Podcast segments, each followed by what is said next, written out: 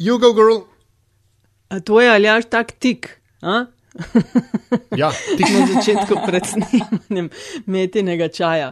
Uh, Živim zdravo, ne? Eh, podcast o medijih, dobrih in slabih praksah, novih tehnologijah in trendih prihodnosti. Gostje v podkastu mediji Met in čaj v medijih delajo, z njimi živijo in o njih razmišljajo. Gostitelja pa sva Aljaš Pengobitenc, Radio Chaos in Nataša Briški Metina Lista.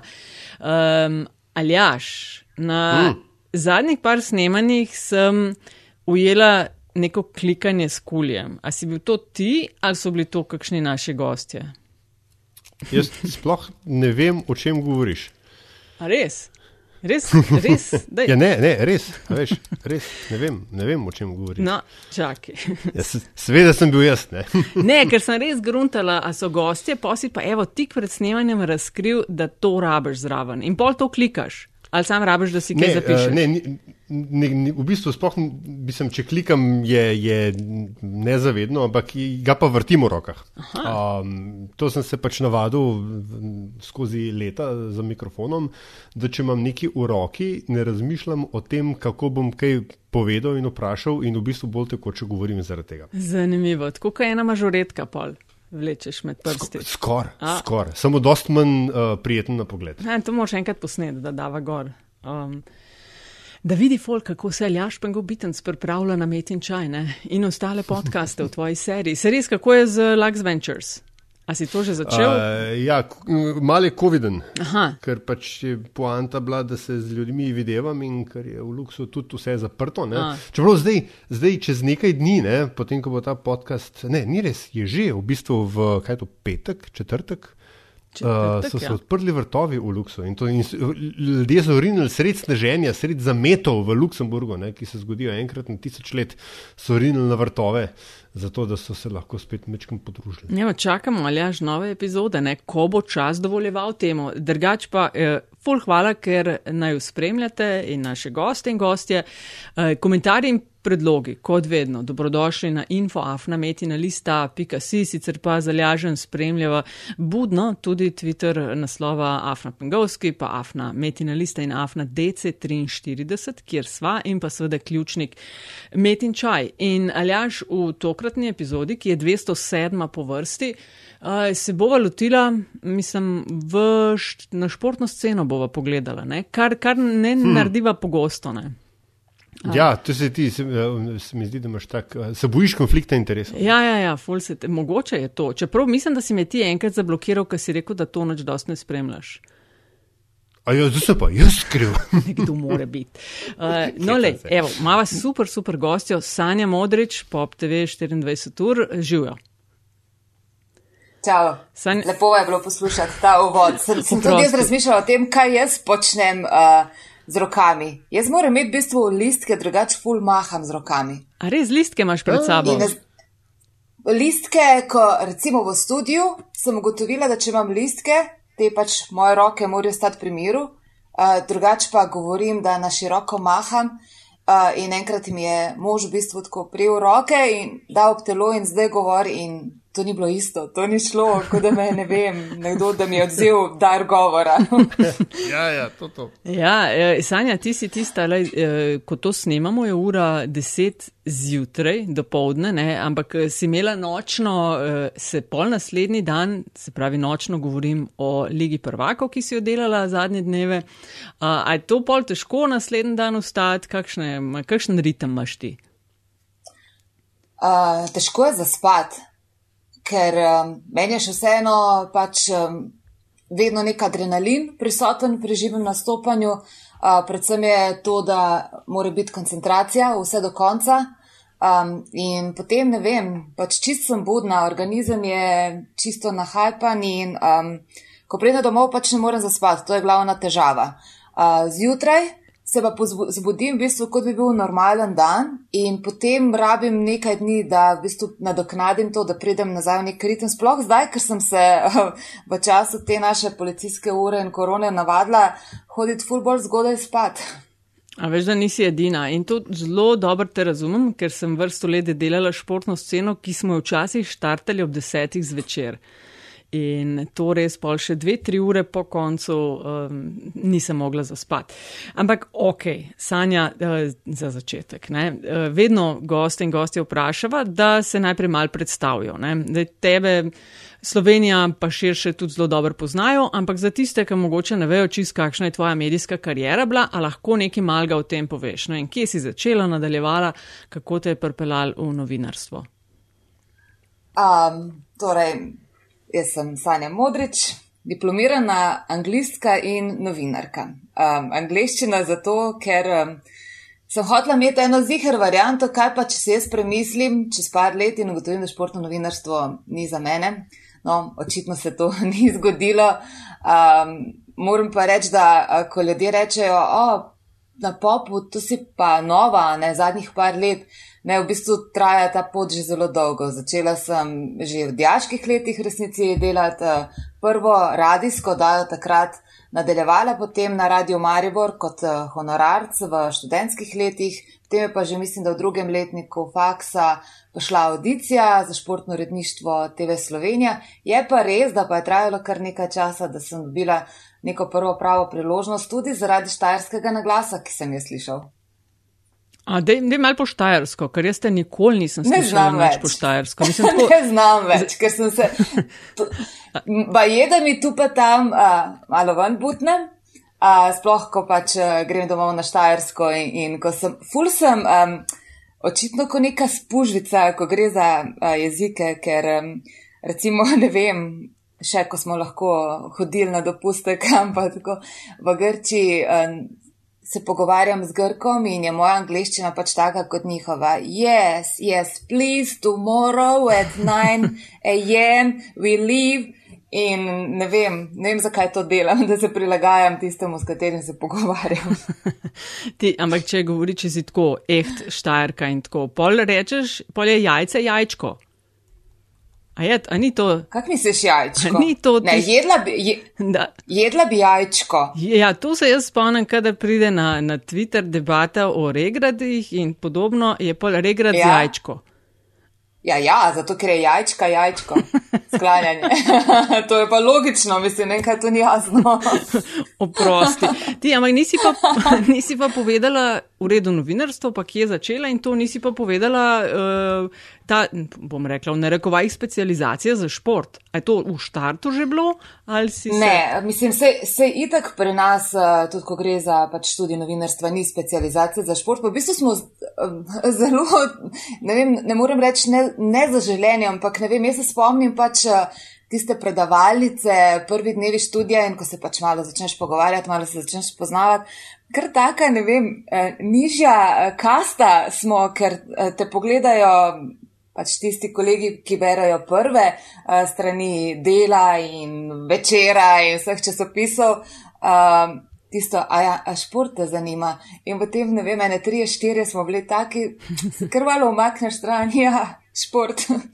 Veš, to mi je ful zanimivo, da, da si uh, opazila to, ker um, ne vem, ali jaša tudi ti, ti si sicer profesionalno, nisi nikoli čist športa pokrival, ne, si vedno bil v, se mi zdi, kultura, politika in bolj teh krogih, ampak sem to isto opažala tudi jaz. Ne. A si, a ne? Ja, ja, ja, vedno je to bilo, že itak v randavnu je šport ponavadi, mislim, začenja se, ko so veliki uspehi, ne, ampak ponavadi je pač tam nekje v zadej, ne, in aha, ja, ja, to je bilo vedno.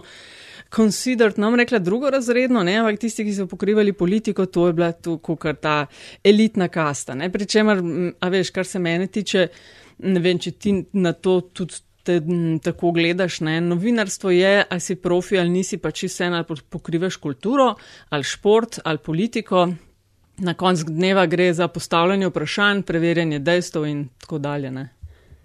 Jaz moram tudi reči, um, ker se mi zdi kar nekako malo že stereotipno to o nas, športnih novinarjih, kot tudi uh, bolj neumni novinari, kot tisti, ta pravi, ta resni. Da, po mojih izkušnjah, pač veliko mojih kolegov, ki sem jih spoznala, so to ljudje, ki so pač splo nasplošno razgledani, se pravi, ki niso samo osredotočeni na to, delamo šport in nič drugega me ne zanima. E, to, mislim, sveda, te, te stereotipi e, ne, so obstajali ne, in so bili zelo močni v času, ko recimo, sem se jaz oprijel ali pa ko so me oprijeli žurnalizma. Um, je pa seveda e, z vidika, kaj je to, informiranega gledalca, ne, ki občasno pogleda tudi kakšne uh, velike športne dogodke. Uh, se mi zdi, da je športni žurnalizem, pa me boš uh, sanja popravila, ne, tudi sam kot, kot, kot obrt zelo napredoval ne, iz, iz uh, teh um, zelo um, zasmehovanih, kakšni so občutki po zmagi, ne, upr, ti, ti pa vprašanj. Do uh, nekaj, kar je dosti bolj uh, informacijsko bogato in gledljivo, in se mi zdi, da tako športni novinari, kot športniki sami, ne, so postali dosti bolj, um, kaj je to, medijski ali pa medijsko ozaveščeni. Pa kakor kje, kakor kdo bi jaz rekla, sploh kar se tiče ozaveščenosti športnikov. Um, meni je zanimivo, kako ne vem, kak slovenski športnik, um, ki igra v tujini, kako tam v bistvu spoštuje čisto ena druga pravila igre, kot pa potem, ko pride domov um, in, in v bistvu pozabi na vse tisto, kar, kar so jih tam naučili. Mislim, mislim da nam. Pa mislim, da na trenutke, da nam v Sloveniji še vedno manjka tega nekega profesionalizma.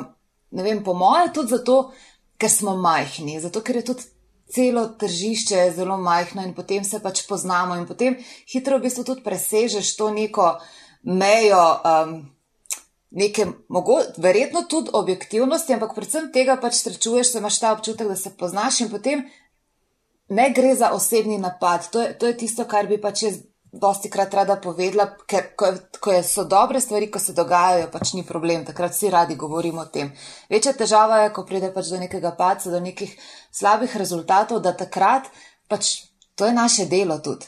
To spada zraven. Ta slabši del službe, ampak spada zraven in rada bi samo takrat, da se zavedamo, lejte, tudi mi moramo to opraviti, tudi mi moramo postaviti pač ta grda vprašanja.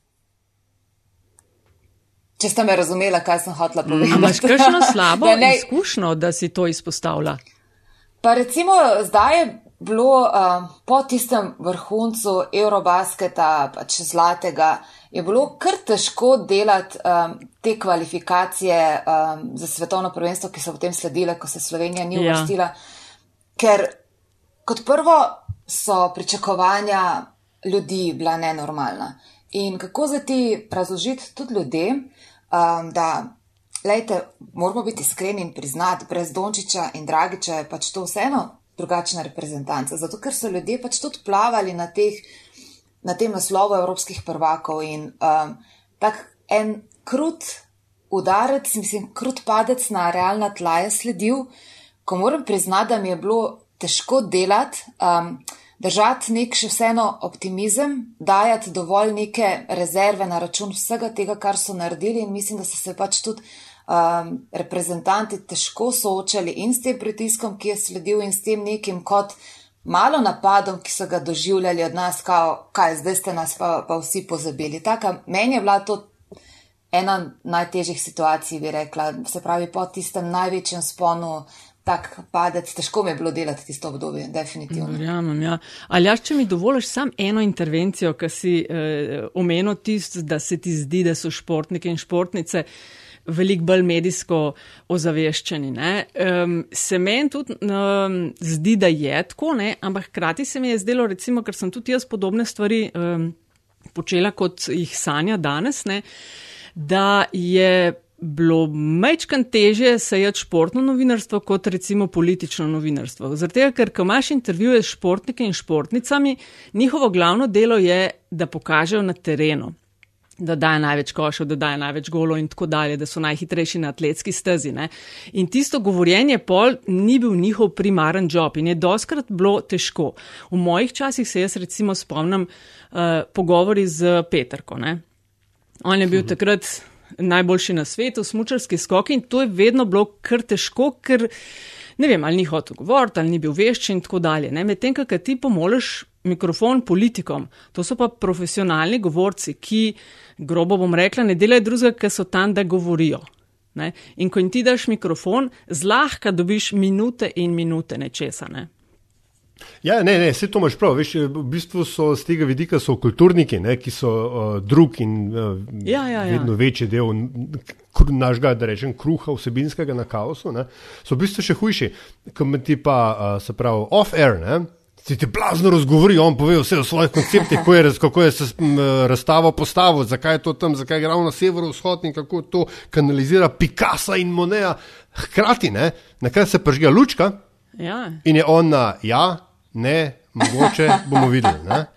Veš, ja, ja, ja. A, tako da štekam, ja, seveda. Ne. Ampak a, vendarle, a, mogoče. Um, Sanja, omenila si ne, ta manjko profesionalizma, um, ko pač pridejo ne, nazaj domov v naše, v naše loge. Ne. Jaz sicer um, klubskih uh, športnih dogodkov resno ne, ne spremljam, nisem pač ta tip človeka, opažam pa od ljudi, ki jih spremljajo. Uh, da uh, slovenske komentatorje globalnih ne, dogodkov, ala Liga Prvako in tako dalje, obtožujejo favoritizma.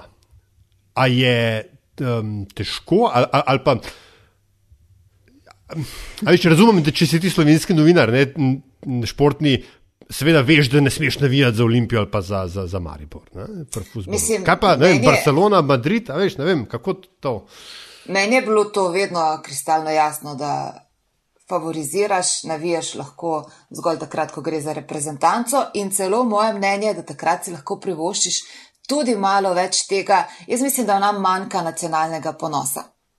In, in mislim, da nič ni narobe, da tu pa tam smo pa res noro ponosni na to, pač, da smo iz Slovenije in da smo noro ponosni na slovenske športnike. Ko gre pa za klube in ne glede na to, da to ni Olimpija, Maribor, nogomet ali pa Olimpija, Krka, košarka, mislim, da se vseeno moraš zadržati, um, ker ne vem, konec koncev, kot ne vem, en strasten navijač enega kluba, če bi začutila, da komentator pa navija za drugega.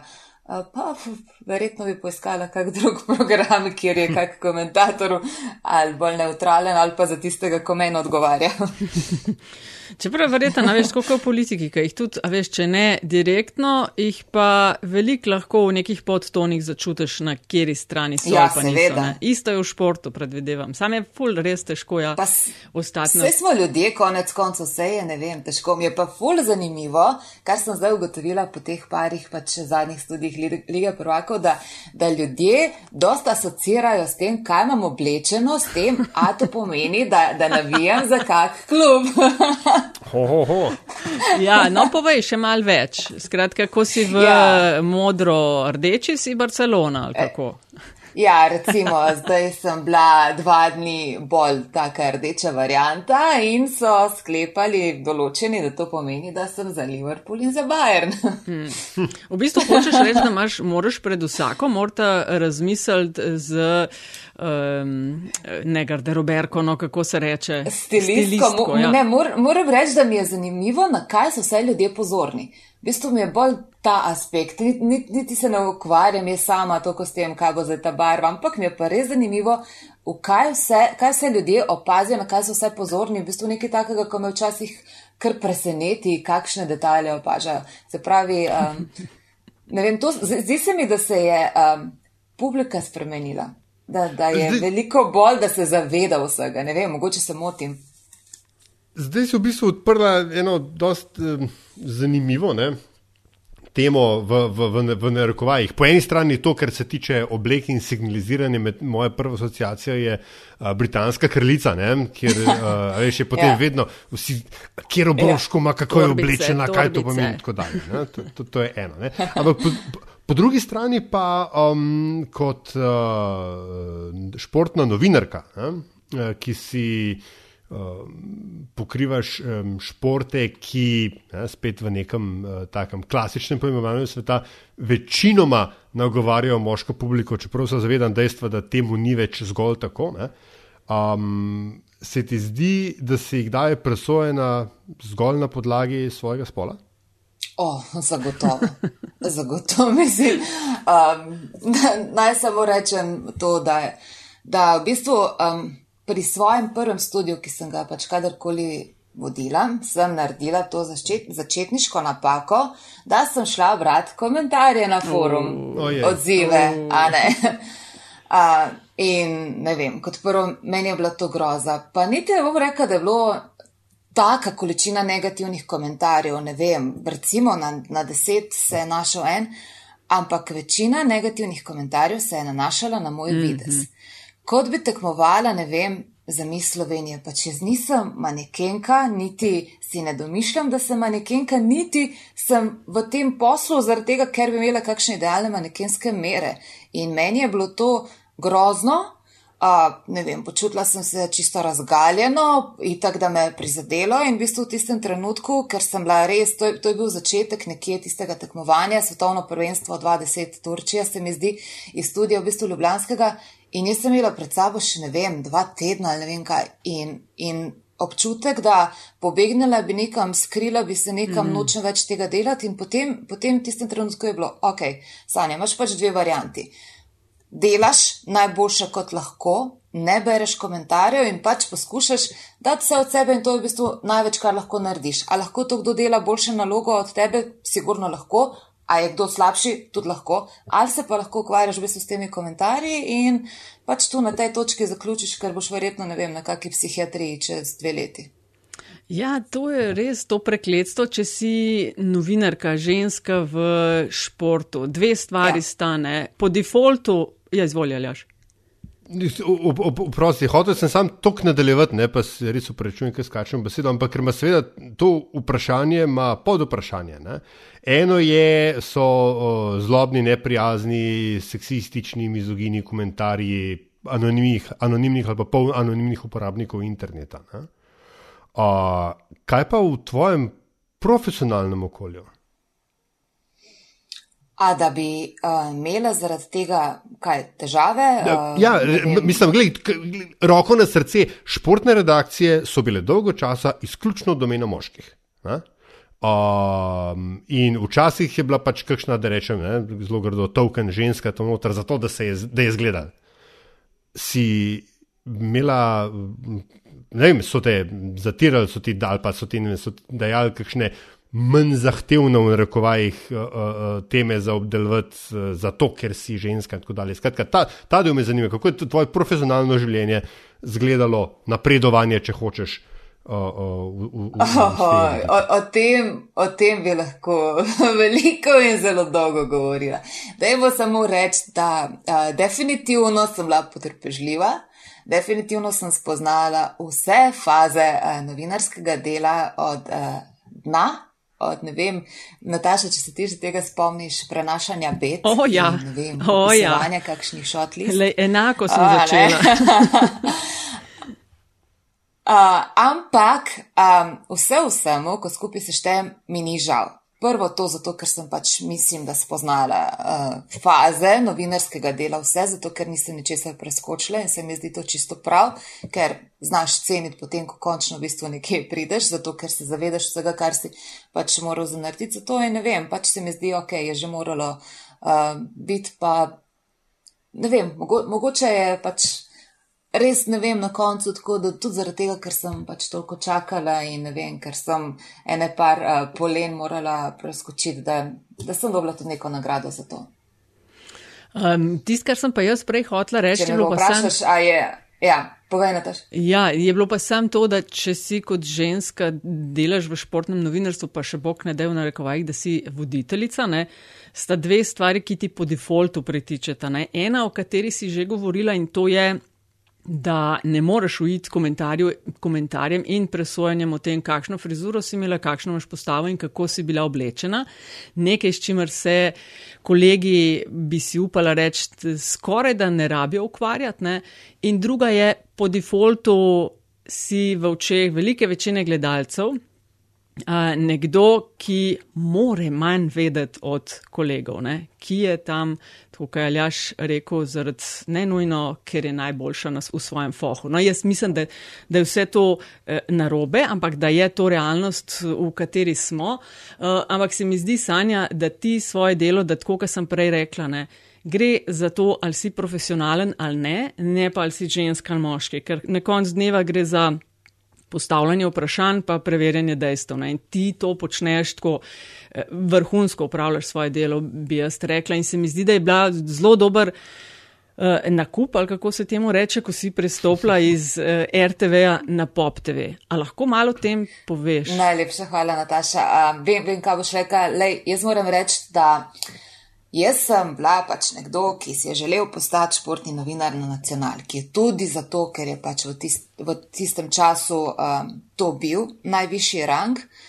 Um, in moram reči, da smo takrat mi z nacionalke malo gledali tako um, navzdol, na, pač na vas, kolege 24 ur, ker pač prva stvar je bila itak, veš, kako je bilo takrat s televizijskimi pravicami, koliko težav ste tudi imeli s tem, ker pač niste imeli nobene slike v resnici. Ja, ja, da me samo spomnim, kaj te klepe improvizira. Kdaj pa si ti na, na RTV, čistko, da se znamo umestiti noter, pa zajet duha tistega časa? Če... Oho, uh, ja, 2000 je bila ta audicija, skozi katero Aha, sem jaz okay. prišla.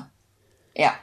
Uh, In mislim, da, da sem to, da pač pohvalim, kar je vam takrat uspelo. Uspelo vam je to, da ste pač morali biti neverjetno iznajdljivi in da ste zaradi tega vsega, po mojem mnenju, napredovali, ker vam ni bilo pač vse podarjeno, ampak ste se morali zboriti za to. Kar se pa mene tiče tega prehoda, pač jaz sem res prišla do ene točke, ko sem bila rezignirana, ko enostavno pač nekako nisem videla, kaj mene še čaka tu naprej. Uh, mislim, z nikoli nisem skrivala, recimo, da je moja res velika želja bila enkrat pokrivati olimpijske igre na terenu kot novinarka. In v bistvu kljub temu, da sem jaz to omenila, nikoli ne zahtevala, nikoli ne sila, pač jaz nisem ta tip, ki se bo hodil prelizovati, nekaj zahtevati, jaz pač čakam, da se me opazi. Uh, Um, pa če z tega na RTV-ju nisem dočakala in mi je bilo tudi jasno, da ne bom dočakala, zato ker ne vem, v studiu te bolj rabimo kot na terenu. Jaz mislim pa zase po duši, da jaz še vedno pač jaz zaživim na terenu, meni, meni ta šunder, vse to dogajanje, vse to, kar lahko gre na robe, pač ne vem, to me dela živo. No in pač v nekem trenutku res. Um, Zdelo se mi, da se ne premikam nikamor, da stojim na eni mrtvi točki. In pač tako kot jaz verjamem, da se vse stvari v življenju tudi zgodijo pač z nekim namenom, je takrat prišla ponudba ta Spop TV-ja, ki so takrat pač je že bilo jasno, da so kupili košarko, ki ni bila Bajdovej prva ponudba pač Spopa, ampak je bila pa pač prva, ko sem jaz začutila, da ja, zdaj pa je čas, da se v bistvu odločim. Ali bom tukaj in bom pač sprejela, da je to moja realnost in je državna firma, sej bo pač do, do penzije sem tam varna ali bom pa v bistvu, ne vem, tvegala in za me se je to res izkazalo, ne vem, za tako dobro odločitev, spoh zaradi tega, ker sem, dali so mi svobodo. Enostavno, jaz sem se čutila ne samo v športnem uredništvu, ampak celoten pro plus, da so mi enostavno pustili proste roke, da lahko delam po neki svoji presoji in meni je bil to tak nenormalen občutek svobode. Um, kakšen je pač govorim, a sta, a ne, ne, ne, ne, uspavala. ne, ne, ne, ne, super je. No, vse vem, da si to v, v kakšnih drugih intervjujih že uh, govorila o teh stvarih. No, meni se je zdelo, da je bil res dober, grdo se to reče, nakup, ampak res dober prehod, prestop, kot se temu reče, in se je potem seveda vse uh, postavilo na svoje mesto še s tem, da so bili naši evropski prvaki, kar je bil pa sploh. Uh, se mi zdi ena taka izstrelitev še v ene druge nivoje. Um, Ja. Mogoče, mogoče samo to, um, kar se mene tiče, mojega medijskega percepiranja ne, sveta, oziroma percepiranja medijskega sveta. In kot sem že večkrat v tem pogovoru povedal, nisem ravno uh, tip človeka, ki bi zelo konzumiral uh, športne osebine, nasploh. Uh, si ti, ne, Sanja, vstopila ne, v to moje dojemanje ravno z Evropskim prvenstvom v košarki. In verjamem, da si še za marsikoga neločljivo povezana s točno tistim momentom oziroma tistim obdobjem. A je uh, opažaš, da bi to zaz, rekel, zaznamovalo tebe, tako kot vem, veš, prvi Bond zaznamuje Daniela Craiga, čeprav je imel cel kup drugih dosežkov filmskih prej in pol? Mislim, tudi če me je zaznamovalo, absolutno nimam nič proti temu, ker um, nekaj takega, kar se je pač zgodilo v tistem septembru 2017 sem lahko samo hvaležna, da se je v bistvu zgodilo meni, da sem bila takrat tam, ker ne vem, težko, ne vem, koliko ste spremljala. Um, jaz, jaz sem bila namreč šokirana, ko sem prišla domov. Jaz nisem pričakovala take euforije doma, takega pompa. Mislim, da smo bili dosti v nekem tem mehurčku v Carigradu, kjer se seveda nam je dogajalo z vsem tem, kar, kar je bilo v sta uspeh, ampak se nismo zavedali, kaj je to povzročilo doma. Jaz sem bila v bistvu najbolj šokirana, ko sem prišla domov. Ja, ti si bil res hud bom, ne imela si pa celo prvenstvo, bom jaz rekla, zelo tašnega televizičnega so komentatorja, Ata Dončič, ne, je pa tudi svoje naredil. Mislim, skupaj sta z vsemi ostalimi, da ne bo pomotene, celo ekipo. Ne. Ne, ampak, veš, ali je to zdaj, bom rekel, performance, na, ob katerega, ne, oziroma v skladu s katerim se potem vsi tvoji ostali nastopi, dosežki merijo ali ne merijo? To, to, je, to me zanima. To je, ja. to je tudi moja skrb. To je definitivno tudi moja skrb, ker enkrat ne vem, ko prideš do vrhunca, pa ne mislim vrhunca mojega dela, ampak vrhunca tega, da ne vem, pač se res poklopijo vse stvari in, in rata taka nenormalna zgodba, kar se tiče našega dela, kar se tiče pač uspeha slovenske reprezentance, je res ene take pravljice, ker je ne morem drugače pomenovati, je težko kako zdaj naprej, uh, kako naj, mislim, seveda ne morem jaz potegniti potem iz sebe v, ne vem, praznih stožicah na naslednji tekmi reprezentance, ne vem, pa ko začne zgubljati, težko je, res, jaz, jaz sem sama sabo sem imela težave. Ok, kaj zdaj, kako naprej, ne morem zdaj na vsaki tekmi tuliti, zaradi tega, ker se ne vem, tula tam, kako zdaj najti spet eno neko pravo ravnoteže in pač tudi sploh zaradi tega, ker Saša Dončić in seveda res dolgo poznava in mislim, da je pač on je sproščen človek sam po sebi. Ampak um, vedno se zgodi, da ti z gosti nimaš neke faze spoznavanja, ampak da je tvoj prvi studio z njim spoznavanje in se v bistvu skozi te studije potem nek odnos razvija in verjetno ravno takrat, ko bi zdaj bi bilo pa fajn, da, da začnemo, se takrat konča, ravno ko spostavite pač z gostom nek odnos. Tu je bilo pa verjetno tudi ta faktor, da v bistvu mi dva sva to uh, spoznavno fazo preskočila, ker sva se poznala in ker pač je Saša, tako kot sta rekla, res televizičen človek in, in sproščen in to. In je v bistvu se mi zdi, nismo štartali z nule, ampak smo štartali vsaj za 51%. Mm, mm.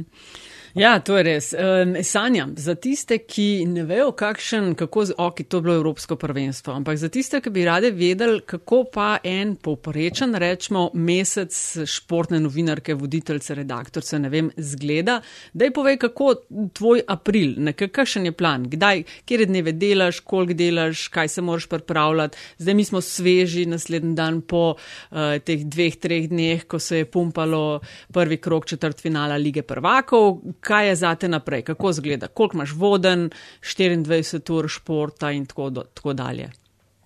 Pa recimo tri vikendi delovni. Ja, ja. A, a, ni, recimo pri nas pač, um, sej si sama vse to dala čez. Se pravi, nimamo klasičnega delovnika, kdaj pride kak dan več, kot je normalen uh, povprečno število delovnih dni v Sloveniji, kdaj pride tudi uh, kakšen dan manj. Uh, vse se nekako se mi zdi na koncu koledarskega leta, ko se šteješ, pač zgliha. Bolje je to, da so to konstantno večeri, da so to takrat, v bistvu, ko so vsi ostali prosti, pač takrat kot športni novinari imamo največ dela, torej vikendi. To je tisto, kar dost v bistvu vpliva tudi na neko potem zasebno življenje, ker pač večinoma imaš prijatelje, ki so čez vikende prosti. Um, Tako da pač, ko me, tudi ko me sprašujejo, recimo, ker se mi zdi, da je vse več nekih mladih punc, ne vem, ki mi pač rečejo, tisti moja vzornica, kar se mi zdi, da je tako, o, hvala lepa, jaz vzornica v redu, ampak um, ki v bistvu mi povejo, da, da bi si želeli biti športne novinarke, kako do tega, kako začeti. Mislim, da je prva stvar pri sebi pač, kar moraš razčistiti, je ta delovnik. Um, in ne glede na to, koliko sem jaz razčistila s tem, seveda imam še kdaj pač težave. Ja, tudi jaz bi bila vikende prosta, tudi jaz bi bila večere prosta, sem pa opazila, da ljudje tudi to dojemajo. Aha, vodiš uh, šport ob osmih, a ja, to pomeni, da prideš potem uh, ob šestih v službo, pa te pač našminkajo, pa prebereš zbobna. To, to se mi zdi pa tak en največji stereotip. In enkrat v bistvu mi je en sledilec na Instagramu predlagal, kaj, zakaj pa ti nam ne bi pokazala, uh, v bistvu, kako poteka tvoj delovni dan. In meni je bilo dobro, nisem zdaj jaz neki nagnjena k temu, da bom zdaj jaz neki preveč na, na Instagramu sama sebe kazala in ne vem kaj. Ampak, ok, se bom potrudila. Kot prvo sem bila blazno izmučena iz teh snemanja v storje in to pač to res terja veliko mhm. ener energije. Kot drugo je bilo pa veliko odzivov, a ja, a toliko delo imate, aha, prideš že takrat v službo uh, se mi je zdelo, da, da je bila pač to neka čisto nova percepcija za ljudi v tem nekem še enem od stereotipov, ki smo jih omenjali. Ja, ne pridem šele ob šestih službo. Skratka, kaj, trije vikendi je to je po, normalno v posameznem mesecu. Ja, pač imaš tudi krajše, daljše mesece, ampak eh, načeloma je tako, da se nekako borimo za to, da bi imeli dva prosta vikenda, ostalo pa potem, a pridejo dva ali trije, pa ja, da delamo. Ja, ja. E, poleg evropskega, ki si ga omenjala, je pa še ena stvar, jo, s katero imate športni novinari in novinarke zadnje dve, tri leta, še posebej velik dela in velik veselja, je pa MBA. Ta slovenski oh. otis Dončić, Dragič, to je pa tudi kar noro, ali? Mislim, noro, jaz moram reči, da itak ne morem ju primerjati. Uh, Goran Dragič je garal in garal in garal, da se ga opazi. Uh, tudi moral doživeti na, na račun svojih začetkov v NBA-ju, dosti tega v bistvu požreti na, na svoj račun. Ne vem, tudi sam pravi, kako so se norčevali, da ni tragic, ampak je tragic in tako.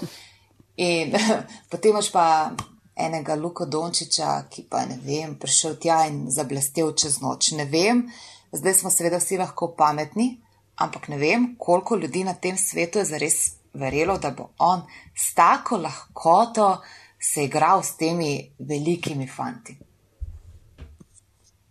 Ker on se igra, meni se zdi, da je pač njemu vse igra, da on toliko uživa v tem in da to s tako lahkoto počne, da, da še niti približno ni pokazal vsega.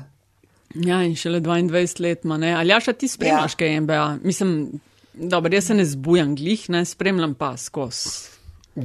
Jaz samo zjutraj vidim highlights v tistem, v, pri moji jutranji maši. Aha, aha. Uh, ampak ne, glej, uh, Kot, kot rečeno, jaz pa klubski šport nisva za skupaj. Eh, nacionalni šport mečkim bolj, ne. zato z veseljem povem, da so te tudi moji mulci gledali, uh, ko si um, imela potem post, uh, po, po, tek, po tekmah ne, te reporte in z Sašo Dončičem in tako dalje. In so skakali in, in navijali tudi zate. Uh, Pozdrav tvojim mulčkom. ja, ampak. Um, Me pa več vsakič, ko tako lepo Dončiča gledam, ne, tale starec v meni, potem pravi, kaj pa, ko bo on enkrat, ne vem, 25, 27, a veš, kaj, uh, uh, a imajo te mladi fanti, mladi športniki, ki zablestijo, ki, ki, ki jim je, kot si sama rekla, vse igra ne, in, in, in se tako zelo igrivo igrajo s svetom okoli sebe, a imajo načrt za potem. Mislim, ker v Sloveniji, mi, viš, v Sloveniji se mi zdi, da je perspektiva starejšega športnika bife. Pač, če, če ima srečo, je njegov lastnik. Ne, ne, se zabava, taljaš. Uh, Ja, glej, no, zasluži, Sanja, koliko ima na leto, koliko deset milijonov ima na leto. A, ne, pre, predvsem bo podpisal kmalo novo pogodbo, s katero bo ne samo on preskrbljen za celo življenje, ampak verjetno še ene štiri, pet generacij. Ja, ne, ampak, ampak hočem reči, v, v, v ZDA ne, je, pa, je pa ta potem. M, pot po kvot in kvot zaključku karijere, verjetno mečken drugačna. A veš, a, a, kakšno upanje ali pa zaupanje imaš ti v Luko Dončiča poslovneža? Veš kaj je to, kar si omenil, to, to je bilo v bistvu tudi meni, ne vem, bankrotiral je. NBA igralec, ki je, ne vem, zaslužil toliko in toliko v svoji karieri, je bankrotiral. Kako? A veš, isto, ko greš računati, koliko denarja je dobil, pa koliko te stane eno normalno življenje, ampak verjetno živimo pač v nekem čisto drugem svetu, kjer je pač njihov način življenja nekaj, česar se ne zavedamo. Ampak mislim, da je tudi to v, v NBA-ju že toliko napredovalo, v bistvu s temi nekimi svetovalci, kam naj vlagajo, kaj naj počnejo s kariero, da pa je tudi vse odvisno potem um, od tega, kakšen nekako podporo ima ta igralec. Se pravi, če govorimo zdaj konkretno o Luki Dončiću. In ne vem, me, mene ne skrbi za njega, da bi se mu poleg tega fanti šel od doma pri 13 letih sam. uh, mislim, da je do zdaj že dokazal, da, da zna preživeti v tem svetu. Um, Sanja, mi dva pač to je podcast o medijih. Ne? Naj jo vedno zanima tudi, uh, kaj pa spremljajo naši gostje in gostje. Uh, kire stvari berejo, kire spletne, kire časopise, pa povej ti, pač, ker profesionalno si vezana v veliki meri na pokrivanje športa. Imaš kakšne ne vem, naslove medis, medijev, domačih tujih, ki jih pa vedno ali pa redno prebiraš, ali pa se ti zdi, da bi tako bi pa tudi pri nas mogli kakšne stvari delati, ali pa bi želela, da je tako kot zunaj. Ker tem na športu se mi zdi, da je, da je kar pestro in kar dobra ponudba. Ne? Ali jaš, ko je glih omenil Združene države, tam je to kar na potenco razvito. Ne? Uh, v bistvu moram reči, da uh, moj jutranji ritual je, da pogledam nekako vse te tri glavne slovenske medijske portale, ne samo kar se tiče športa, ampak kar, kar se tiče, vse, vse jih lahko meniš, 24.com, uh, MMC, RTV in Seoul, uh, še posebej pač Seoul Sportal, to je res, da tam grem bolj na, na šport. Uh, nekako toliko sem pač, ker sem rada obveščena ali pa seznanjena, kaj so neke glavne stvari, kaj se dogajajo. Uh, kar se potem imam pa še to specifiko, pač košarkarske strani, še vedno je pač košarka moj najljubši šport in tu sta dve res uh, močni internetni strani, Eurohoops pa Sportando, ki v bistvu pokriva ta vse, kar se dogaja v košarki in pač zveš marsikaj in nimam pa. Moram priznati, potem toliko časa v življenju, da bi si pa zdaj lahko pač vzela pa še uh, za ne vem, neko detaljno spremljanje mm -hmm. zdaj mhm. nekih pač posebnih oddaj in, in tega. Mm -hmm. Um, jo, to, da ne pozabim. Ne vem, kaj, kaj sta, moram, moram pa reči, da sem se pa, kar se tiče pa nasplošno pač spremljanja televizije, v zadnjem letu sem se malo umaknila od sebe, zadnje pol leta. Malo je, mi je preveč negativnosti in me potem to malo preveč potreje in ubija. Mislim, da ti tega nihče ne zameri. kako pa te COVID pristrigel peruti? Um, ali pa oh, no, da povej. Sedim doma.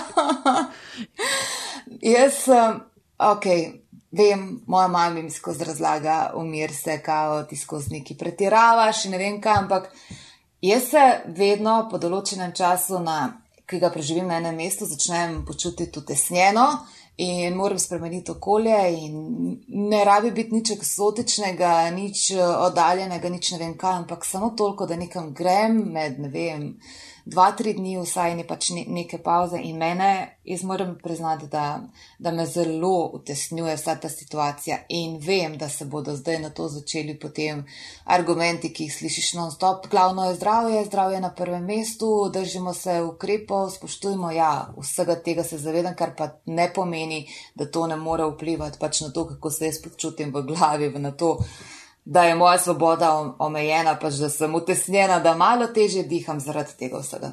Ja, pa se, se mi zdi, da veš, če tiskaj fair, a veš, pogrešamo določene stvari, ne. Sej si odgovoren, pa vse, valjda, da pogrešaš, kaj ne. No. Mislim, naj, jaz resnici osebno še najmanj pogrešam, recimo, kafiče. Uh, meni je žal zaradi vseh teh lasnikov, uh, ki ne vem sploh, kako zdaj preživljajo, ampak kar se mene tiče, uh, bistvu meni moja kava na balkonu mi je čisto ok. se da zdržati. No, pol si pa ok, pol si pa zaradi teh omejitev si zihar, kdaj mal tudi, pač se slabše počutiš, si žalostna, pa se jaz spomnim, da si ti v enem intervjuju, pa ne vem kdaj in kje je to že bilo, da si omenila, da se to lažeš čokolado, če sem si prav zapomnila. In se spomnim, da me je vedno zanimalo, v kjero čokolado, a imaš kakšno specifično? Uh, ja, preusmerila sem se zdaj lih za tega, ker se to krade, da lažem s čokolado na, na temne, ki imajo vse 70% um, kakava ali pa več, ki je, da, da so malo manj škodljive. Pa celo naj bi bile zdrave, celo naj bi bile zdrave. Aha, res, ok, 70 plus, ker pri meni je, je važno, mislim, jem tega zelo malo, no, ampak če že, ali ima lešnike ali pa riževa, tako da te, te odstotke me ne tako. Kaj pa ti, Aljaš? Uh, jaz pa kava, mislim, jaz pa čokolada, ne. ne. Bel, ne? Mislim, tako, glej, če je glih nujno, potem večji, ko je procent kakava, boljši je, oh. ampak ni, ni, pa glih, da bi, ni pa glih, da bi v vrsti stal. Raz... Mislim, jaz sem ne razumem, zakaj ljudje delajo navadne mlečne čokolade. Komu všeč navadna mlečna čokolada? Lej. Zle, ne vem. Z lešniki, ja. Ali pa zakaj delajo s kakšnim marcipanom? To bi jaz tudi prepovedala. Ej, to pa, evo, mar, marcipan bi dal pa jaz, mislim, marcipan bo še prvo predzid, ko pride revolucija. Takoj, takoj za rozinami, oprosti. Tako je, v redu, ajde. Mim grede, ne? Ja. Ja, ki smo že, da zamenjamo od čokolade. Kdaj, čokolade. Pr kdaj, prosim, lepo bodo slovenski me športni mediji uh, obširno in pravilno poročali o krlingu? Oh. Ko bomo svetovni prvaki v krlingu, e. ali pa vsaj oh. evropski. Kaj pa delajo na robe? Oh. Čakaj, ja. zdaj, le, ja, zdaj le bo Evropsko prvenstvo, skup, mislim, zdaj le bo. Lej, nas, nas zelo zanimajo vsi športi, v katerih zmagujemo. Tako. No, Tako da to ni nemogoče. Če se res lotiš projekta Krling, najdeš sponzorje, kar srečno v slovenskem prostoru. Imáš no. dobre možnosti, da bo Krling zelo popularen. Čak ti si v reprezentanci, no. nisi? Uh, Luksemburški. Ja, no. uh, ampak, ampak drugače pa tako, ne, v, um, planirano je Evropsko prvenstvo skupine C v Krlingu v Ljubljani. Skupina C, hočeš reči, tretji razred. Ja, mislim, dok, pred, dokler ni bilo COVID-a, so bili sploh gledalci v igri. Ja, zdaj zdaj bomo pa, videli. Ja, morali bi biti lanskega aprila, tako da zdaj to se vse skupaj zamika, ne vem točno kdaj. Ampak lepo, to, to, da veš. Kako lepo se imate Turic, da je to ja, v 24 ur.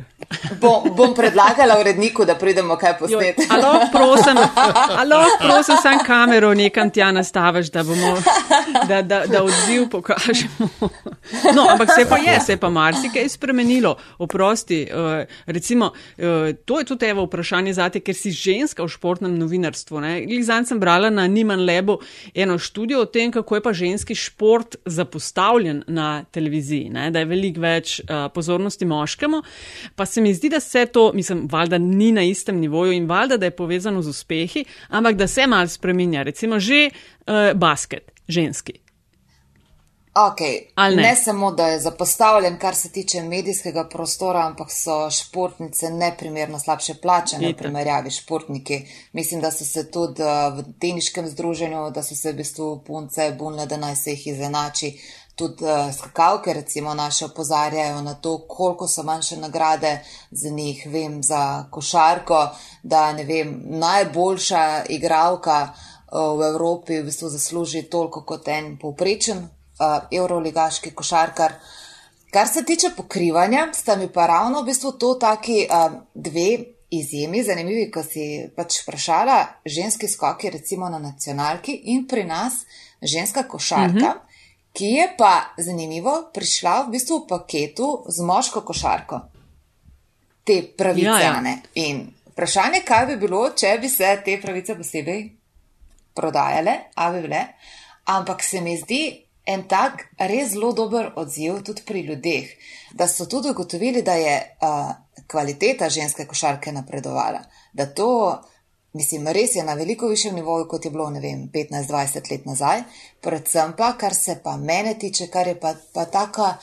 Ena toplina, ena, ena tako, um, en tak nov občutek je, da so te punce v bistvu toliko hvaležne za to pozornost, ki jo zdaj dobivajo, ki jo v bistvu prvič čutijo. In mi imamo izjemne košarkarice, pač, ki, ki igrajo res na, na visokem nivoju, da je v bistvu tako pravo. Zadovoljstvo je dela z njimi, no, ker ti veliko vračajo. Ja, ja, se mi zdi, mislim, to je res dobro, da, da je v paketu blok, drugač bi verjetno še kar na stranskem ja. tiru ostalo. No, in, in, ko... in mimo grede, da zdaj še jaz naredim reklamo, uh, za punce junija je Evropsko prvenstvo. Uh, In ne vem, koliko ste kaj spremljali, ampak recimo že na zadnjem prvenstvu je v bistvu puncem toliko malo zmanjkalo od vem, boja za kolajne do tega, da so v bistvu na koncu izpadli v tistem um, nekem playoffu za, uh, playout za četrt finale. In jaz mislim, da so sposobne velikih stvari. Mislim, res ne bi rada zdaj karkoli preveč napovedovala, ampak. Tako, če bi se vse tako poklopilo, kot se je poklopilo pri fantih, je možno. Jaz verjamem, da je kvaliteta za kolajno. Bravo, bravo. Ne, to sem prej sem hotela reči, da je pa res, da pop neke te stvari dobi, no, pač v mojih časih v narekovaju. Ja, smo imeli pač ene druge športe, ja. to res naredi tako, kot je res treba. Je. V bistvu se cel, cel, cela hiša potem stoji za tem projektom. In ja, in pol so sponzorji, in pol je gledanost, ja, in pol ljudje naenkrat, ja. o, to imamo tudi, in pol je tudi popularnost. Ja, ja res je. je. Je pa tudi res, ko pa pogledaš, pozabili smo še en izjemen projekt, v bistvu, ki, ki ga je pop imel in, in za me tudi super naredil Evropsko prvenstvo v odbojki domače. Mislim, ja. da se ti zgodi, da, da se ti poklopi, da v tem paketu, ki ga ti kupiš, da imaš zlato kolajno s košarkarji in srebrno kolajno z odbojkarji, ja, mislim, noro. Ja, ja, ja, to je res bolj dober. Ja, Aljaš, um, kje smo zdaj pol mi? mislim, da smo prišli do točke, ko je treba, um, ko vsak od najnih uh, gostov, gosti, uh, pove, Eh, zanimivost, ja. Eh, ki je, kaj že? Ki, to je čist eh, stvar, ki, s katero postavimo sanja piko na i tekočim metinim čajem in sicer je neki, da gost in gostja z nami deli kakšno zadevo, za katero ocenjuje, da je veliko ljudi ne ve, pa bi jih znal zanimati. Zdaj pa to kaj. To je lahko, okay. lahko je povezano ali s tabo osebno ali s tabo profesionalno, okay. lahko pa nekaj čist X, sam ne parjav, da si okay. pozabila. Ne, okay. ampak moja prva asociacija, moja prva asociacija in zdaj ne vem, ne vem sploh, a res, zakaj mi je to prva asociacija in zakaj hočeš zdaj to povedati, zakaj se hočeš uh, blamirati. Naučila sem se brati za smrtnic. Uh, še enkrat, kaj? Na branja. Jaz, jaz sem bila taka, v šoli sem bila dosta taka pridna piflarka, ampak uh, naučila sem se brati v bistvu dost pred šolo, po moje pri štirih, petih letih, petih in brati sem se naučila iz osmrtnice v časopisih. Čak, kako je ja, do tega prišlo? Ker, ker, so, ker so bile slike in od spodaj ime priimek napisano z velikimi tiskanimi črkami. In ta kombinacija slike in spodaj velikih črk mi je, ne vem, očitno bila tako še, že sem v bistvu gnjavila, katera je to črka, katera je to, v glavnem, ja, naučila sem se brati za zamrtnic. A bi lahko bila tiho s tema? E, ne, ne, mislim, da je. Čeprav, če tako pomisliš, ne, v resnici ne navaden, pa vendar logičen, didaktičen pripomoček. Ja, ja. Ja. in, in še vedno časopise beremo od zadaj. A res, od zadaj naprej. Ja, ja, vedno, vedno. A, da je nehi. Ko je finta, ali prav zaradi tega, ker kaj začneš, kaj si včasih začenjala z smrtjo. Pa kaj jaz vem, ampak mogoče sem tudi. Ne vem, ne znam ti razložiti, ampak še vedno na to dan danes, eh, če se pisati, začnem brati zadnje strani. Zanimivo. Ej, Sanja, pulti hvala in za zanimivost in za vse, eh, kar, in za celoten pogovor, intervju in te zanimivosti, ki si jih z nama delila. Tako, res eh, v veliko veselje nama je bilo, da sva te gostila. Se spomnim, da sva že 2018 imela to idejo, ampak yeah. je ja. takrat bilo ravno med tem evropskim prvenstvom in je bila cela dramica in se nekako nismo mogli ujeti, tako da sva res vesela, da, se, da so se pa zdaj stvari poklople. Tako da, ful ti hvala ful in vse hvala. dobro le na tvoji poti. Ful hvala vama za povabilo, res je bilo fajn. Razen teh osmrtnica, ne? ne, super je, super.